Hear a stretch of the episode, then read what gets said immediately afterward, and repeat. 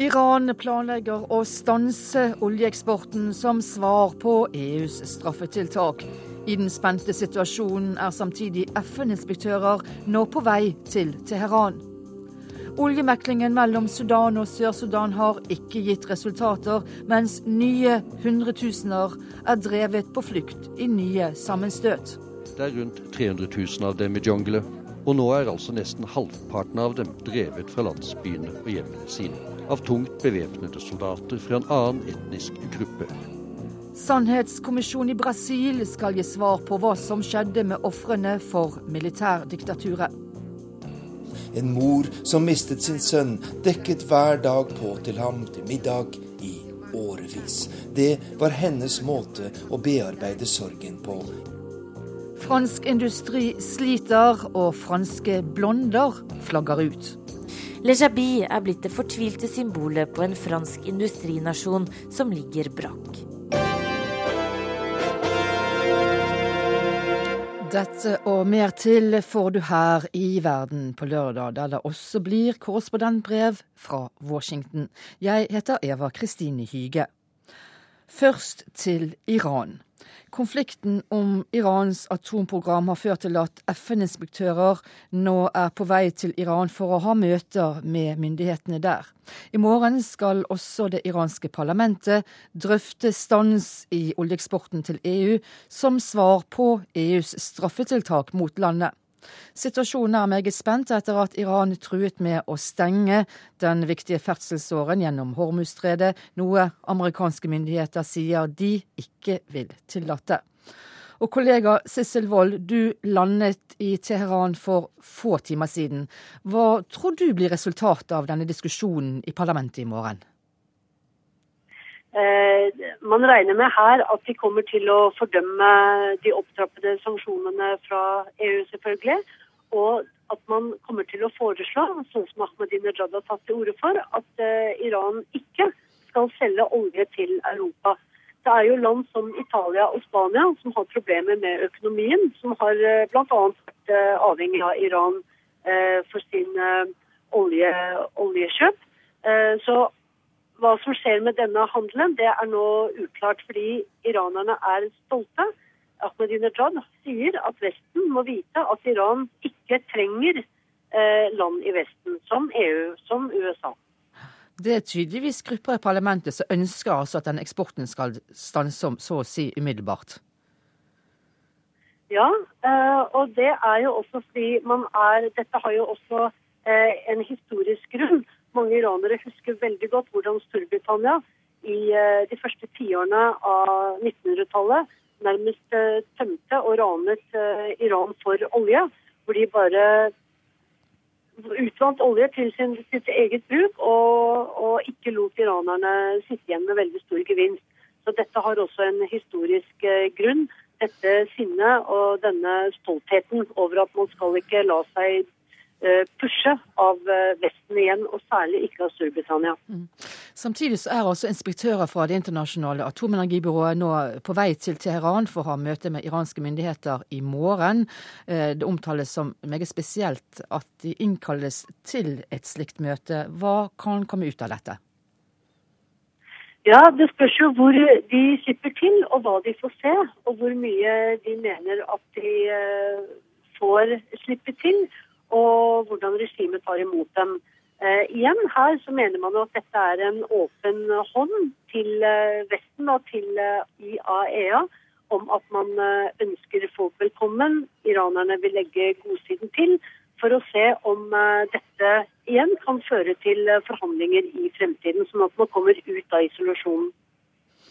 Takk skal du ha så langt, Sissel Valle, som altså følger situasjonen i Iran for eh, oss i eh, andre sendinger fra radio og TV de neste dagene. Um, I morgen skal altså parlamentet drøfte en stans i oljeeksporten. Og Sverre Lodgaard, seniorforsker ved Norsk utenrikspolitisk institutt. Um, dersom myndighetene vedtar dette, hvilken betydning vil det ha? Ja, Det rammer naturligvis den sørlige delen av EU eh, ganske sterkt. Og iranerne har eh, de siste dagene snakket i mange forskjellige ordelag om at dette kan bli aktuelt. Men jeg tror at de vil se seg om først. Se om eksporten vestover eh, kan kompenseres ved økt eksport østover til Kina, India og også Tyrkia. Så langt har jo kineserne sagt at de ikke vil redusere importen. Inderne har sagt at de regner med at prisen på iransk olje går ned, og da vil de kjøpe så mye som mulig. Og tyrkerne handler med, med Iran fortsatt. Men uh, dette er ikke skrifta på veggen foreløpig. Uh, det kan komme til å skje endringer her. Og jeg tror kanskje at de vil vente litt til de ser hva de med rimelig sikkerhet kan påregne, før de eventuelt uh, sanksjonerer vestover ved å stanse tilførslene der. Mm. EU har kommet med nye sanksjoner som jo har vært i tråd med det som de straffetiltakene USA har kommet med, ehm, som jo er en reaksjon på Irans atomprogram. En ny rapport denne uken eh, fra det amerikanske Institute for Science and International Security viser ifølge rapporten at det ikke er noen bevis for at Iran har utviklet atomvåpen. Hvilken tiltro har du til den rapporten? Ja, Det du refererer der, er for så vidt i tråd også med IAEAs eh, siste rapport. Eh, den ble lekket på forhånd, og vinklingene der var, var veldig skarpe. Så det bidro til å høyne eh, mistanken mot Iran og, og spenningen. Men også IAEA-rapporten sier at det er indikasjoner på at enkelte våpenrelevante aktiviteter pågår, men det er ingen beviser. Eh, så de, de, disse to rapportene er ikke i strid med hverandre, ikke mener du? da? Strid, er, ikke i strid med hverandre. Ehm, denne rapporten du refererer til, sier da videre at eh, det er ikke truffet noen beslutning i Iran om anskaffelse av atomvåpen, og det er det forholdsvis bred enighet om i etterretningskretser, og også altså på uavhengig hold. Men så er det da slik at politikken den drives jo av hvordan den tilgjengelige informasjonen oppfattes. Og i Israel sier man man vet at Iran er på vei mot atomvåpen, og i USA så er det også en utbredt forestilling i dette. Så eh, konflikten den, eh, den, eh, koker jo da mer og mer ned nå til forholdet mellom tre land, Iran, Israel og, og USA. Ja, og Hva som da skjer med Hormuzstredet da er eh, avgjørende, hvor eh, Iran har sagt at de vil eh, vurdere å stenge stredet for viktig oljetransport. Amerikanerne sier at det vil ikke de tillate. Kan da amerikanerne komme til å bruke militærmakt? Legg nå nøye merke til hva iranerne sier. De sier at hvis våre leveranser blir hindret, så er det en krigshandling, og da vil vi svare med samme mynt. Hvis de selv eh, går på offensiven og stenger, eh, så har det lenge vært amerikansk politikk at eh, da er det å oppfatte som et casus belli, altså en krigshandling. Og da vil USA kunne gå inn i, i krig. Men dette vil jo iranerne formodentlig aldri finne på. For da framprovoserer de den krigen med USA som de for all del søker å unngå. Og de kan også stenge sin egen oljeeksport eh, ute. Så det tror jeg vi skal se bort fra. Men her er det altså slik, i dette spørsmålet som i veldig mange andre spørsmål som gjelder Iran, at uh, det iranske politiske systemet har veldig mange maktsentre. Det kommer uttalelser fra veldig mange forskjellige hold, og det skaper ofte forvirring. Mm. Eh, den eh, nye amerikanske rapporten fra dette forskningsinstituttet advarer mot en eh, militæraksjon fordi man mener det at altså da en militæraksjon mot atomanleggene, for man mener at det uansett ikke vil være mulig å ødelegge noen anlegg i, i Iran. Så hva kan i så fall en militæraksjon oppnå? Den kan kjøpe tid, altså sette dette programmet tilbake. Det er jo noen anlegg som vi kjenner godt til. Eh, som formodentlig kan ødelegges. Anrikingsanlegget i Natanz, et anlegg for konvertering av uran til gassform ved Esfahan, en plutoniumproduksjonsreaktor, et tungtvannsanlegg under bygging lenger nord i Arak. Men eh, landet er veldig stort. Aktiviteten er spredt utover på en rekke forskjellige steder. Og Israel vil i hvert fall ikke være i stand til å, å ødelegge alt dette. Eh, selv for USA kan det være problematisk. Men igjen, man kjøper bare tid. Og det man kjøper, er antagelig da en pyrrhosseier. fordi at om ikke Iran har vært innstilt på å lage atomvåpen før, så vil de med høy sannsynlighet være det etterpå, og da vil inspektørene være ute.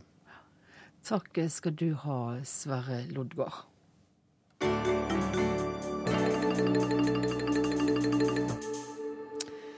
I Egypt samlet denne uken det nyvalgte parlamentet seg for, for første gang å møte samtidig som hundretusener var på Tahrir-plassen både onsdag og fredag for å kreve militærrådets avgang.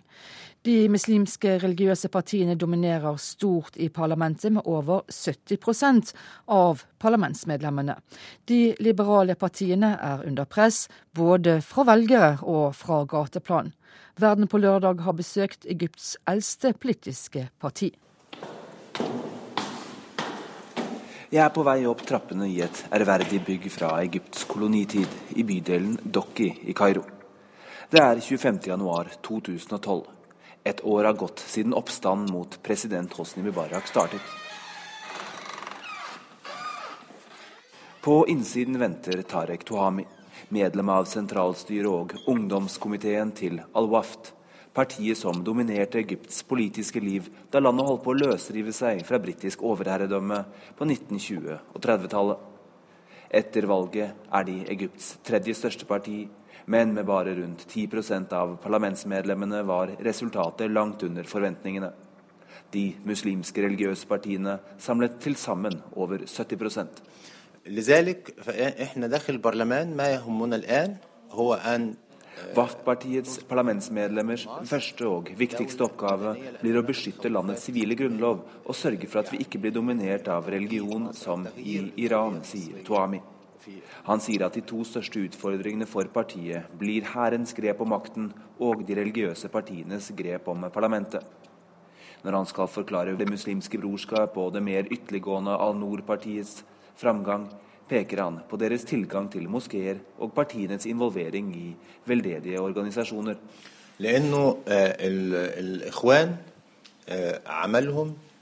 Men WAF-partiet hadde lenge planer om å alliere seg med brorskapet i en demokratisk allianse, før de valgte å stille egne lister. Alliansen oppsto ifølge Tohami fordi de ville unngå å bli stemplet som ikke-religiøse. Et effektivt motangrep på alle som ikke stemte for den midlertidige grunnloven i fjor. Alliansen ble til slutt oppløst pga. intern uro i partiet. Det var for mange kandidater og for få plasser. Men nettopp denne tilbøyeligheten til å inngå avtaler har gjort at mange av aktivistene på Tahrir-plassen misliker partiet. Partiet deltok også aktivt i det politiske liv under Hosni Mubaraks dager. Nå sies det igjen at de har akseptert at militærrådet styrer, så lenge de selv får en del av makten.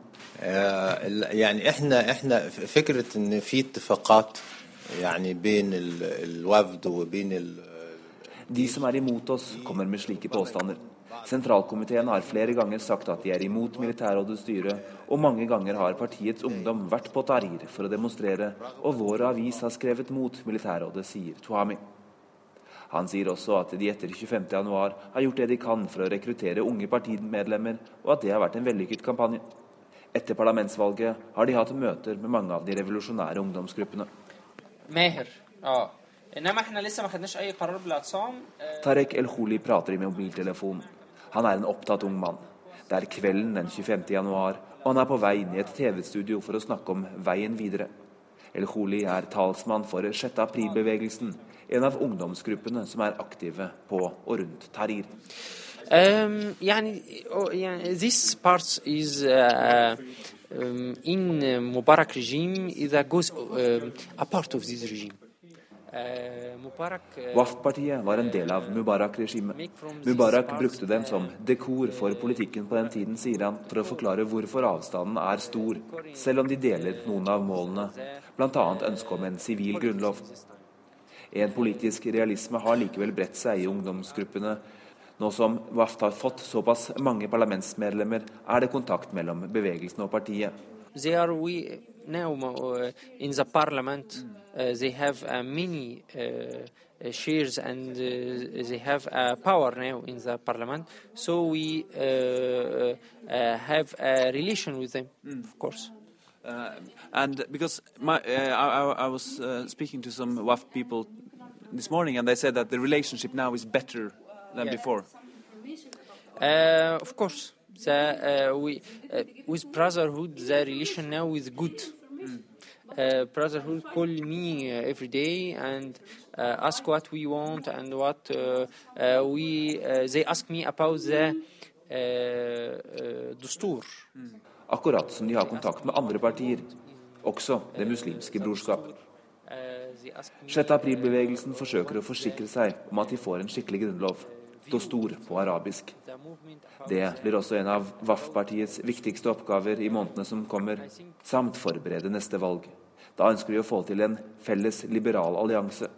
For de har fått seg en skikkelig lærepenge av islamistene i valget, sier Tarek Tuhami.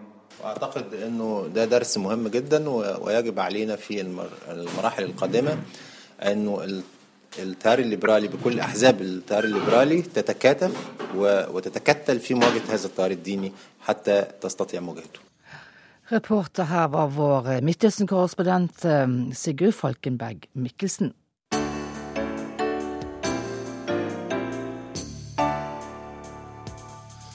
I Sudan sliter forhandlere med å få til en av, avtale om olje mellom nord og den nye staten i sør. Samtidig vokser den humanitære krisen i Sør-Sudan, og FN har måttet sette i gang en ny massiv nødhjelpsoperasjon etter voldsomme etniske sammenstøt i delstaten Jongele. Mellom lille julaften og 12. januar ble flere enn 2000 mennesker drept og 120 000 mennesker drevet på flukt i en ny voldsspiral. Vår Afrika-korrespondent Lars Sigurd Sunnanå har besøkt Jongile.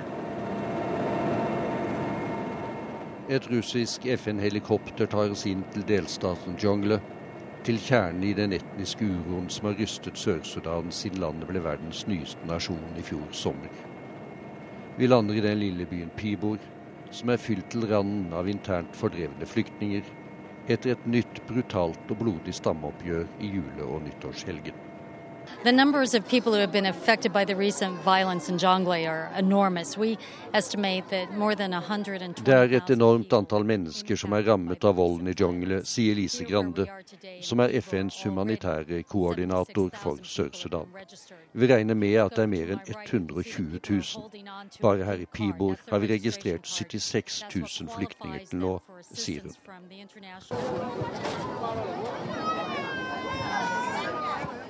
Det er en folkegruppe som de fleste av oss vel aldri har hørt om, som har fått svi og som har strømmet til Pibor for å få hjelp av FN.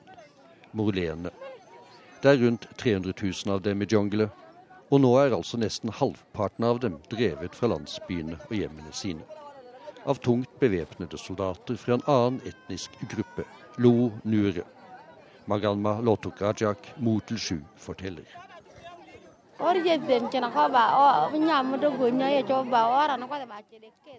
Vi var ved bredden av Kong-Kong-elven da de kom og begynte å skyte.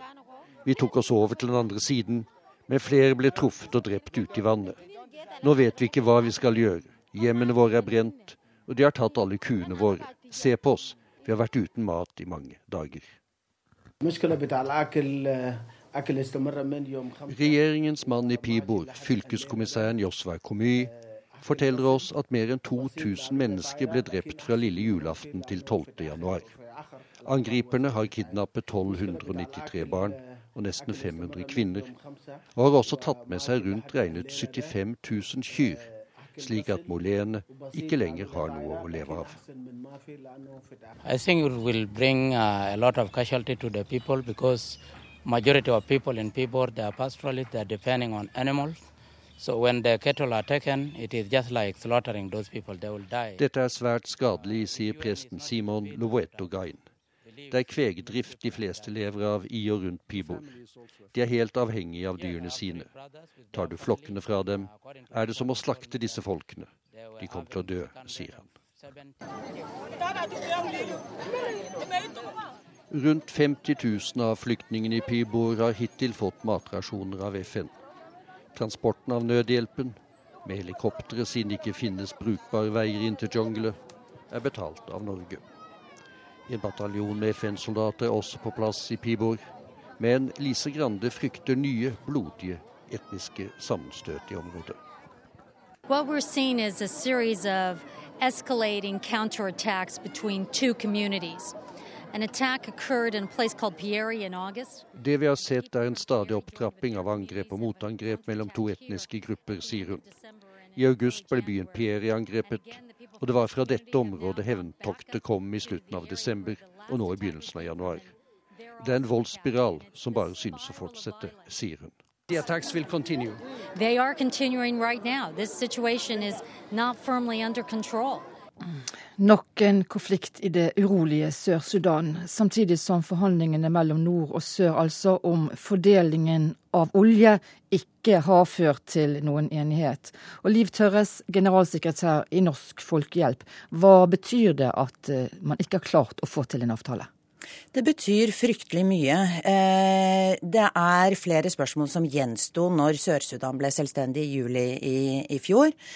Eh, avklaring av grenseområdene er et stort spørsmål, og fordeling av oljeinntektene, for å si det veldig enkelt, er da det andre store spørsmålet. Og det er helt klart at hvis du ikke får løst disse spørsmålene, så, så, så utvikler det seg nå til en katastrofe i, i hele området. Det henger i en tynn tråd. Hvordan henger dette da sammen med den humanitære krisen som nå forverres i sør? Vi skal ha med oss at disse konfliktene i Jongelei, eh, som nå har tilspisset seg, de har ligget der i mange årtier. Det er konflikter om, om kveg, det er konflikter om landområder. Men, men de er nå eh, mer voldelige. Eh, folk og gruppene er mer bevæpnet, og spiral, voldsspiralen blir, blir ja, tøffere og vanskeligere også å løse. Og, og, det er knyttet også, påstås det i noe grad, til nord-sør-konflikten. Det vil være mye lettere for det første å konsentrere seg om å løse konfliktene i sør, eh, når i det øyeblikket for, for den nye regjeringen i sør, når nord-sør-spørsmålet er avklart. og Enkelte påstår jo også at gruppene i sør får forsyninger av våpen fra enkelte som ønsker at oppmerksomheten skal, skal snus dit og bort fra nord-sør-problematikken. Hvem kan det være som leverer våpen? Nei, det det er, helt klart at her er det spekulasjoner. I sør så, så, mistenker de jo selvfølgelig nord for det. Nord mener at det ikke er riktig. så, så eh, men, men, det viktige er jo at nord-sør-spørsmålet må løses i det øyeblikket, eller spørsmålet ned, i det øyeblikket du får løst spørsmålene om olje, grenseavklaring osv., så, videre, så er det eh, rimelig å tenke at det vil være mye, mye enklere å løse disse andre konfliktene. Og, og, en del av de vil dempe seg av seg selv, for å si det sånn. Men når det gjelder forhandlingene om olje, altså Den afrikanske mm. union er sterkt inne i disse samtalene. Mm. Eh, hvorfor klarer man ikke å presse partene mer til å få enighet? Jeg tror vi skal ha med oss at partene er langt fra hverandre i utgangspunktet. Det som tilbys og det som kreves er milevis fra hverandre når det gjelder betaling av, for oljen. For det er jo sånn da at oljefeltene Eh, er i sør. Og så er rørledningene De går da fra sør og opp til nord, og nord forlanger en betaling for det. Det er det dette dreier seg om langt på vei. I tillegg så er det jo sånn at begge parter er ganske desperate. I sør så er det over 90% av budsjettet som er avhengig av inntektene fra olje. I nord også mesteparten av budsjettet henger på på en måte penger de har fått fra olje i, i mange år. Så, så, så det er viktige og store spørsmål. Så kan man kanskje lure på om de har det rette forhandlingsteamet. Det har det vært stilt spørsmål, spørsmål, ved. Og så har jeg lyst til å legge til også at det internasjonale samfunn kanskje bør, eh, ikke bare kanskje, men må legge mer press på partene for å få til en løsning her. Og da må begge sider gi og ta litt. Hva med Kina, som jo har store økonomiske interesser i, landet, eller i landene. Eh, hvilken rolle kan de få? Kina er viktig. Har vel ikke vært så tungt på banen i å presse fram en løsning her foreløpig som enkelte ville ønske. Nå har jo de også tvunget økonomiske interesser i dette, fordi de har hatt oljeinteresser og vil da bli påvirket i det øyeblikket oljen stopper. Og nå er på en måte den kranene skrudd av denne uken her. Sør har satt på eh, bremseklossen. De produserer ikke lenger nå olje, fordi de påstår at nord stjeler oljen fra dem. Eh, men kineserne må, må, må tungt inn, og, og, det internasjonale samfunn trekke inn Kina mer for å legge press på partene. Så har jeg lyst til å legge til én ting til. Fordi at i dette spillet om oljen, så er det jo også en annen problemstilling tett knyttet til det, nemlig da trekningen av grenser. Altså hvor skal grensen gå? Og, og, her har vi en humanitær katastrofe under utvikling, og, og under veldig kjapp utvikling. Khartoum eh, bomber grens, i grenseområdene. Eh, det er ingen adgang for å få inn humanitær hjelp til disse områdene. Så du har tre grenseområder i sør av Sudan som nå er eh, veldig, veldig presset, og tusener på tusener på tusener mangler mat og blir drept daglig. Mm. Ja, hva kan hjelpeorganisasjoner som Norsk Folkehjelp gjøre? Så lenge Khartoum nekter adgang for humanitære aktører inn i disse områdene, så er det umulig å komme inn fra Sudans side. Amerikanerne har jo sagt at de ønsker nå å gå inn fra Sør-Sudans side. Det vil da bety å krysse grensen fra sør og inn med, for å sørge for at det kommer inn humanitær hjelp. Jeg mener jo det er viktig, Vi følger situasjonen veldig tett fra dag til dag. Og jeg mener det er ekstremt viktig at det internasjonale samfunn nå følger opp og legger press på Khartoum for å få inn humanitær hjelp. Stopper krigshandlingene, selvfølgelig. Det er det viktigste. Men vi må ha inn humanitær hjelp umiddelbart. Takk skal du ha, Liv Tørres, generalsekretær i Norsk Folkehjelp.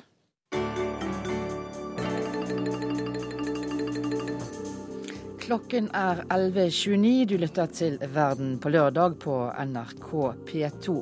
Videre i denne sendingen om den spanske dommeren som må få retten for å ha engasjert seg i ofre for militærdiktaturet, mens Brasil oppretter sannhetskommisjon for å se nærmere på årene med militærstyret der.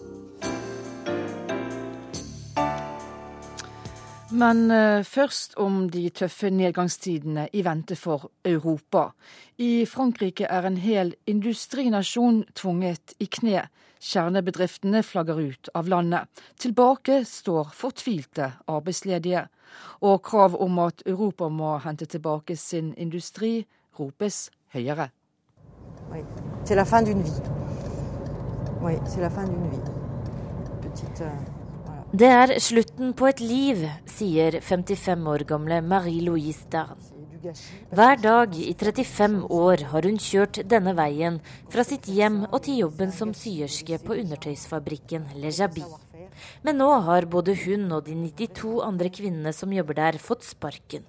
Oui, euh, que j'ai du mal à réaliser que ça m'arrive, parce que je l'entends tous les jours à la télévision. Jeg hadde aldri trodd at dette kunne skje meg. Vi hører om oppsigelser andre steder, men det er tungt å ta inn over seg at det nå rammer oss, sier Marie-Louis. I lyse fabrikklokaler står symaskinene på rekke og rad. Trådsnellene er tredd på. Tøyfiller ligger under nåla.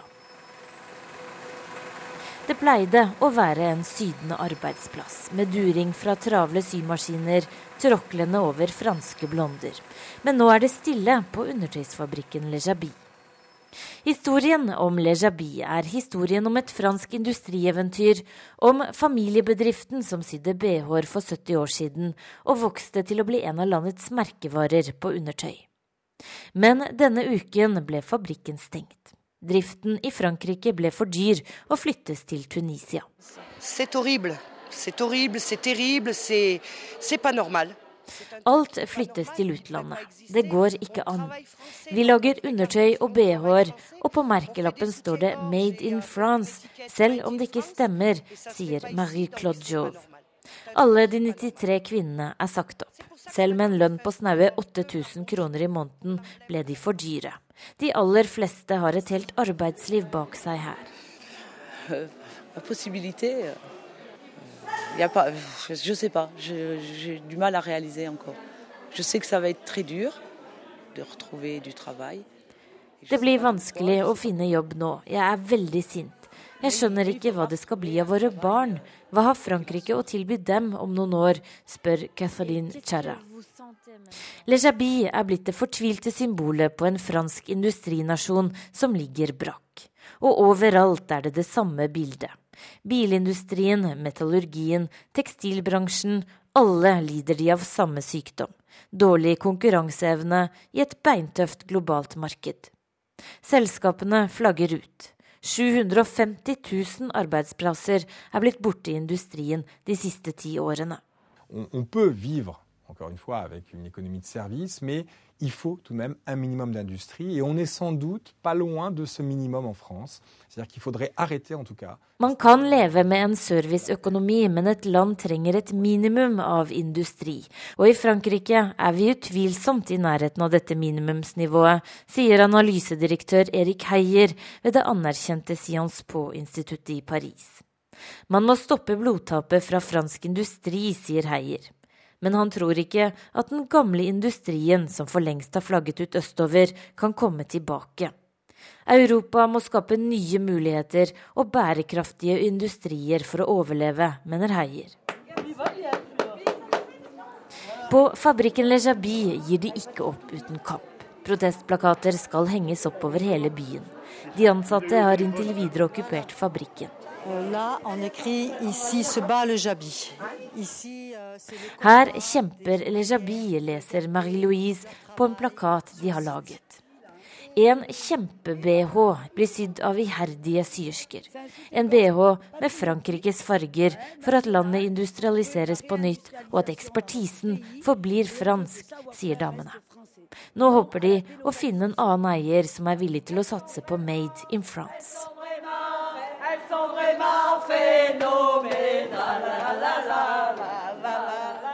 Europakorrespondent Hege Mo Eriksen rapporterte fra Frankrike.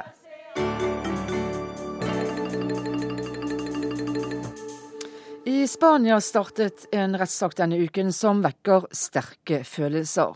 En kjent dommer må møte i Høyesterett, tiltalt for å ha gått utover sine fullmakter da han satte i gang etterforskning av forbrytelser som ble begått under Franco-regimet. Balthazar Garzón risikerer å bli fratatt retten til å være dommer i 20 år.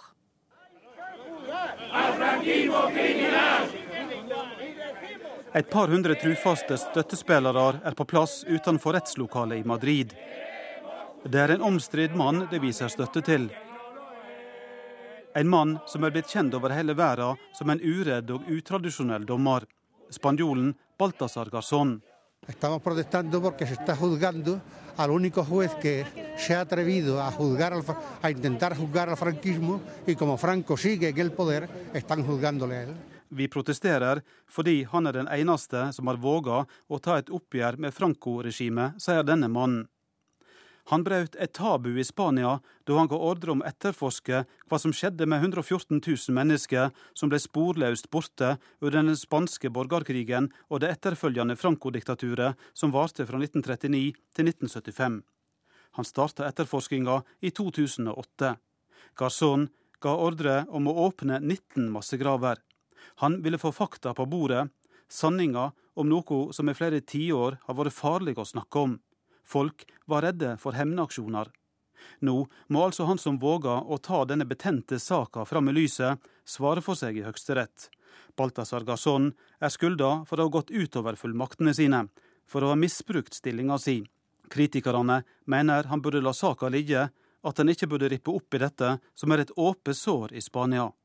De mener han skader dommerstanden sitt omdømme. Men støttespillerne jubler for en modig mann, og er frustrerte over det de nå er vitne til.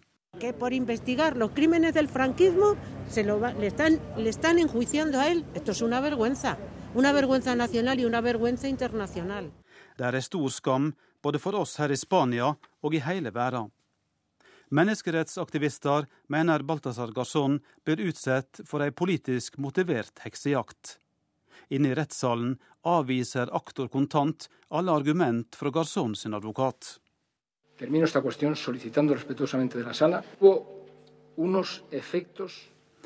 Balthazar Garzón er også tiltalt i to andre saker. Han er skylda for ulovlig telefonavlytting i en korrupsjonssak, og for å ha mottatt penger ulovlig fra en storbank. Støttespillerne mener dette er rene hevnaksjoner. Verdenskjent ble han da han i 1998 tok ut tiltale mot tidligere diktator i Chile, Augusto Pinochet, og kravde han utlevert fra Storbritannia til Spania. Dersom retten finner Garzón skyldig i den saka han nå må svare for, kan 56-åringen miste retten til å være dommer i opptil 20 år. Det sa reporter Eivind Molde. Også i Brasil er det vedtatt amnestilover etter militærdiktaturet. Heller ikke der har noen blitt straffet for sine ugjerninger eller overgrep. Men nå forberedes en sannhetskommisjon som skal avdekke hva som skjedde da de militære hadde makten i mer enn 20 år, fram til 1985. Arn Stefansen har sendt oss denne reportasjen. I morgen starter en ny tid, synger Brasils sambalegende Chico Buarque et refreng som ga håp for millioner av brasilianere i de mørke årene under militærdiktaturet. Og for enkelte fortsetter marerittet fra den gang, selv om regimet gikk i graven for mer enn 25 år siden.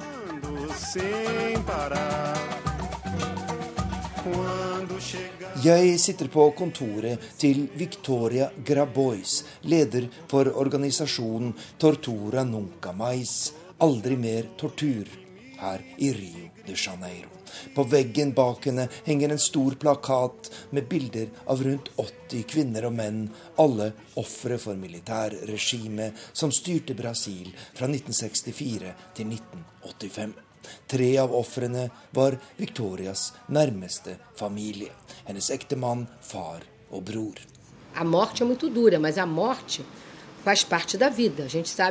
Døden og livet hører sammen, og selv om det er grusomt å se ens nærmeste dø, så fins det måter å bearbeide sorgen på. Mye verre er det når ens kjære bare forsvinner, blir tatt av et grusomt regime som ikke vil fortelle når, hvor og hvordan de døde, og ikke vil gi oss en grav å gå til.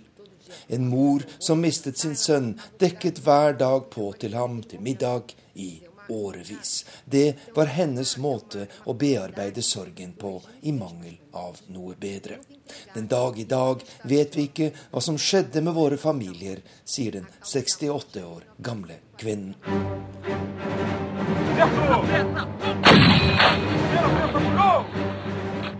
Mer enn 500 mennesker ble tatt av dage under Brasils militærregime.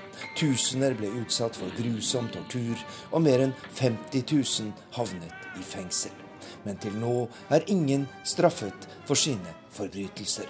Før jul besluttet den brasilianske regjeringen å opprette en sannhetskommisjon som skal gi svar på hva som skjedde med regimets ofre. Og kommisjonen forbereder seg nå på å starte sitt arbeid. Men organisasjonen Aldri mer tortur har ingen store forventninger. Ela não vai ser uma verdadeira comissão da verdade. Ela vai ser uma comissão da meia-verdade. Dette blir ingen sannhetskommisjon, men en kommisjon for halvsannheter, sier Victoria Grabois. Den eneste grunnen til at myndighetene gjør dette, er at vi og andre menneskerettsgrupper har presset så hardt på og fått så mye internasjonal støtte. Brasil er et land med en mektig elite, der de militære har hatt og fortsatt har en veldig innflytelse. De har fått gjennom en amnestilov som har gjort det umulig å få noen av dem stilt for retten, sier lederen for organisasjonen Aldri mer tortur.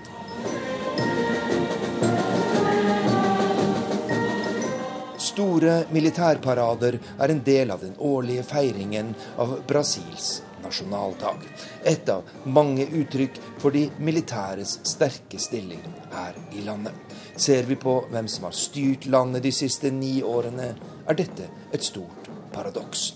Den forrige presidenten, Lula da Silva, var fagforeningsleder og opposisjonell under militærdiktaturet, mens dagens president, Dilma Rousef, var geriljasoldat og deltok i væpnet kamp mot regimet, noe hun betalte en svært høy pris for. Jeg var 19 år den gangen. Jeg tilbrakte tre år i fengsel, og jeg ble torturert på det grusomste, sier Dilma Rousef i en debatt i den brasilianske nasjonalforsamlingen. Men som president har også hun vært forsiktig med å ta oppgjør med de mektige militære. En stor skuffelse for menneskerettsforkjemperne i organisasjonen Aldri mer tortur. Que era o mínimo que ela poderia ter feito, era nos receber.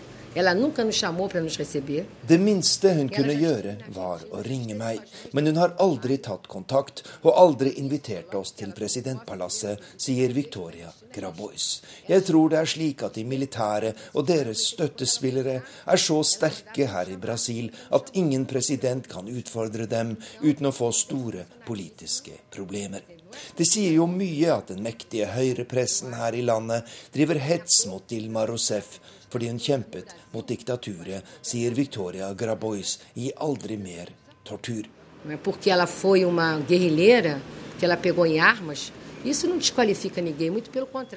Mediene hetser presidenten fordi hun grep til våpen mot de militære og var med i geriljaen. Dette er vel ikke noe som skal diskvalifisere en politiker, at man kjempet mot et diktatur. Men eliten og høyrepressen her i Brasil eier ikke skam. Og de forstår ikke at folk andre steder i verden ser med undring på et land som fortsatt forsvarer et slikt regime, sier Victoria Grabois i organisasjonen Aldri mer tortur her i Rio de Janeiro.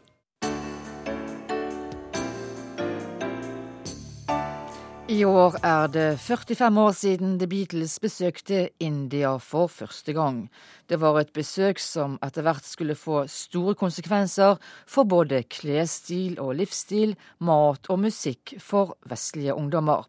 Ikke minst fikk besøket stor betydning for Beatles selv. Vår mann i India, Joaho Larsen, har vært på mimretur i New Delhis gater.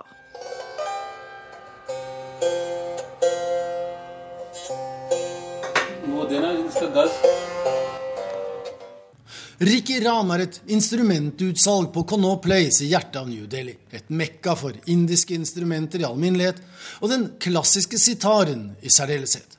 Det var her, i 1966, at George Harrison fikk sine første sitaretimer av innehaveren Bishan Das, før han ble sendt videre til opplæring hos en av Ricky Rams kunder, Ravi Shankar.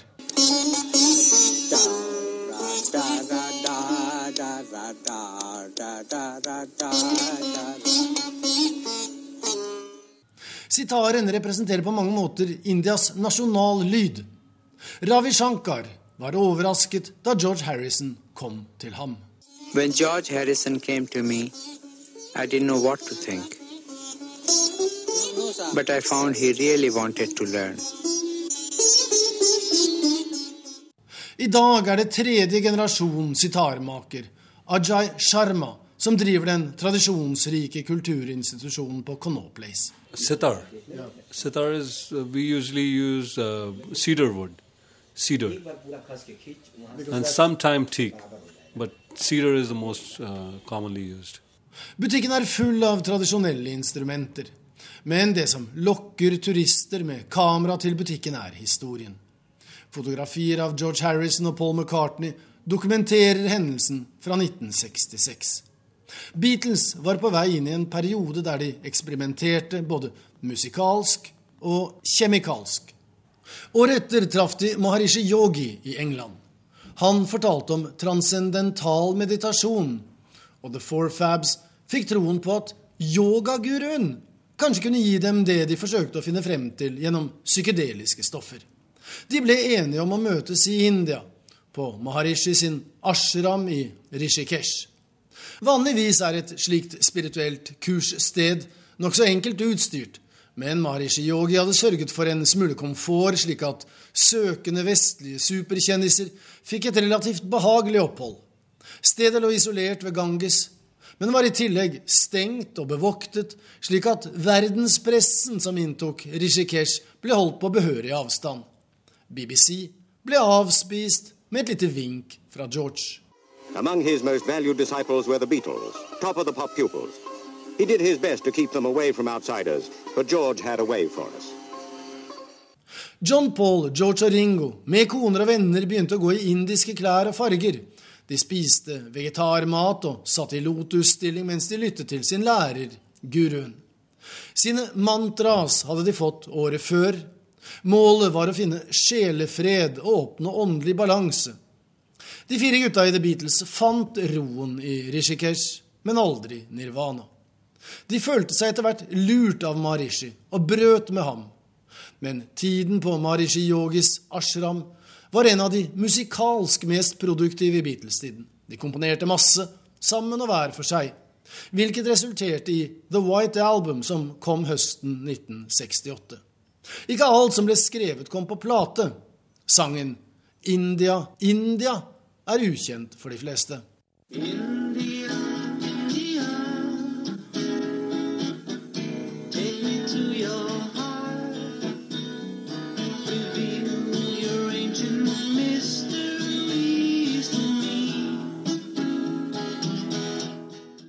En av årsakene til at denne aldri ble gitt ut, skal være at i teksten så synger John I'm waiting by the river, but somewhere in my mind I left my heart in England with the girl I left behind.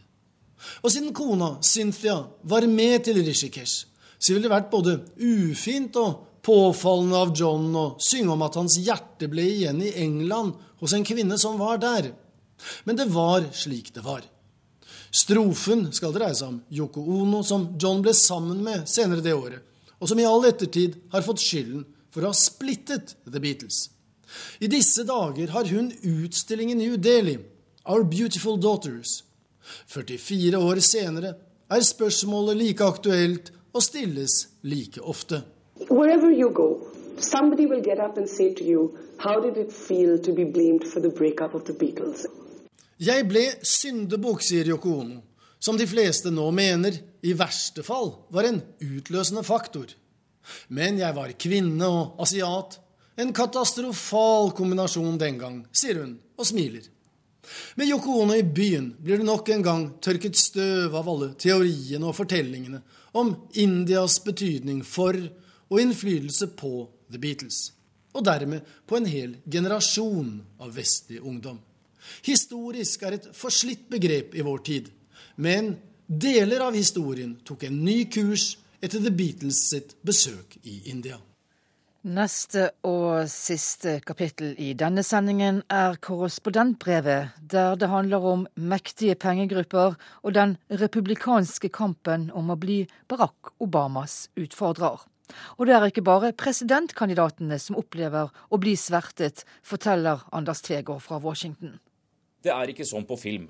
Det å bli stanset av politiet her i USA f.eks.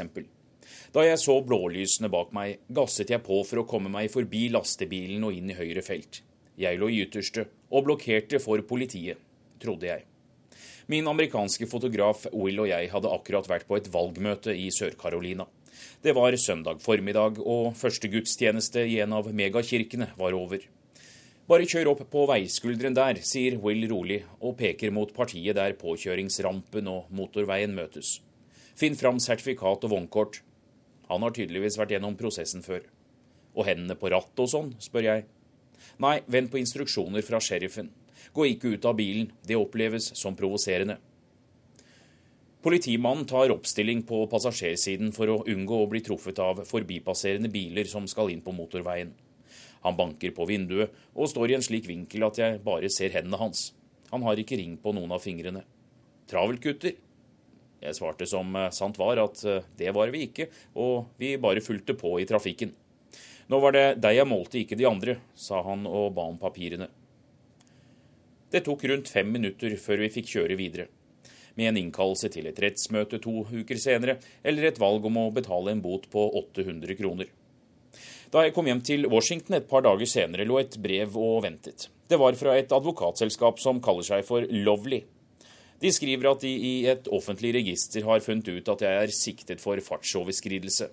Advokat Lovely tilbyr sine tjenester under slagordet 'Justice is lovely'. Det var noe av det siste jeg ventet. Å få spam eller søppelpost etter et ufrivillig møte med sheriffen. Om jeg legger godviljen til, er det et eh, desperat forsøk på å skaffe seg klienter i en delstat med høy arbeidsledighet. Men jeg klarer ikke se hvordan advokaten vil tro at noen vil gå rettens vei med alle gebyrer det medfører, for å krangle på en relativt liten bot. Større åpenhet er et uttalt ønske her i USA, men det praktiseres ulikt. De som forsker på dette, mener offentliggjøring ikke gir ønskede resultater. Det var nok ikke fartsregisteret de hadde fremst i tankene. En fordel med åpenhetslovene, sett fra kundenes ståsted, er at restauranter i New York og Los Angeles f.eks. må kunngjøre synlig i vinduet hvilken karakter de har fått for de sanitære forholdene. Det kan gjøre det enklere å velge en restaurant framfor en annen. Rett over nyttår ble det kunngjort at legemiddelselskaper må offentliggjøre hva de gir til legene.